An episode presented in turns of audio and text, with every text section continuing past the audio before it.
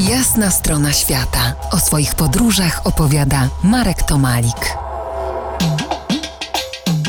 Moim i waszym gościem jest profesor Piotr Kłodkowski, był ambasador Rzeczpospolitej w Indiach, a nasza rozmowa toczy się w kontekście jego najnowszej książki Imperium Boga Hanumana, Indie w trzech odsłonach, która wchodzi na rynek niebawem, 20 czerwca. Piotrze, przed wyjazdem na dzisiejsze spotkanie na Kopcu Kościuszki mignął mi w necie krótki filmik, w którym Hindus, Hindusi niszczą, rozbijają młotkami dopiero co zamontowane panele słone, słoneczne. A dzieje się to po tym, jakoby hinduistyczny proboszcz miał rzec, że te solary walczą z ichnymi bogami. No różnie jest. Oczywiście z jednej strony mamy hinduizm, e, który czci aktora takiego jak Amitabh Bachchan, e, który ma swoją świątynię e, e w Indiach. E, są i tacy, którzy uznają, że wszelakie wpływy z zachodu są bardzo szkodliwe i niszczą hinduizm, ale również e, wyznawcami hinduizmu są ci, którzy wprowadzają najnowsze technologie i budują świat IT w Indiach. Hinduizm jest wszechogarniający, hinduizm potrafi do siebie wszczepić poszczególne elementy kultury, które nam by się wydawały zupełnie paradoksalne i niemożliwe do przetransponowania na grunt indyjski. Ale musimy też mieć świadomość, że z jednej strony hinduizm jest bardzo taki pluralistyczny, jeśli chodzi o kwestie dogmatów, ale dość konserwatywny, jeśli chodzi o kwestie społeczne. Innymi słowy, możesz wierzyć w cokolwiek ci się podoba, ale twoje dzieci nie mogą poślubić dzieci innych osób, które nie należą do właściwej kasty.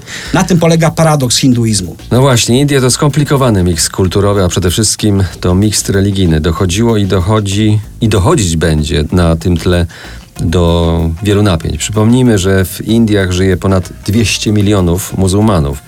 Jak to się udaje utrzymać w ryzach w tym kraju?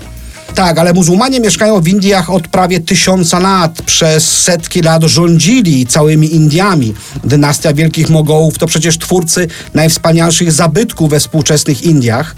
Ta egzystencja muzułmanów w Indiach nie jest łatwa.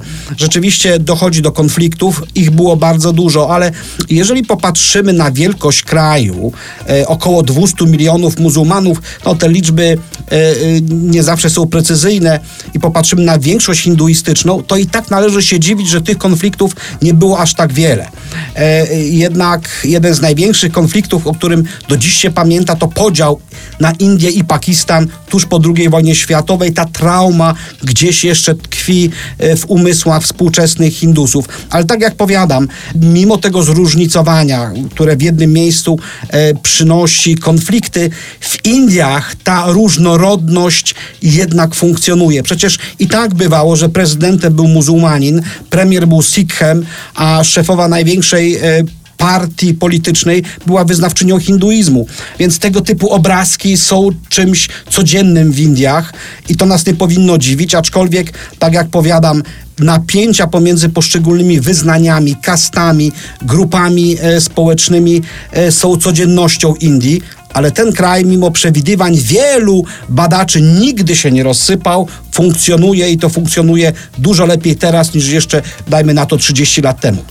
Gościem jasnej strony świata był profesor Piotr Kłodkowski, był ambasador Rzeczpospolitej w Indiach, autor znakomitej książki Imperium Boga Hanumana Indie w trzech odsłonach. Polecam każdemu, kto chciałby zrozumieć Indię. A za tydzień trzy łyki Afryki. To była jasna strona świata w RMF Classic.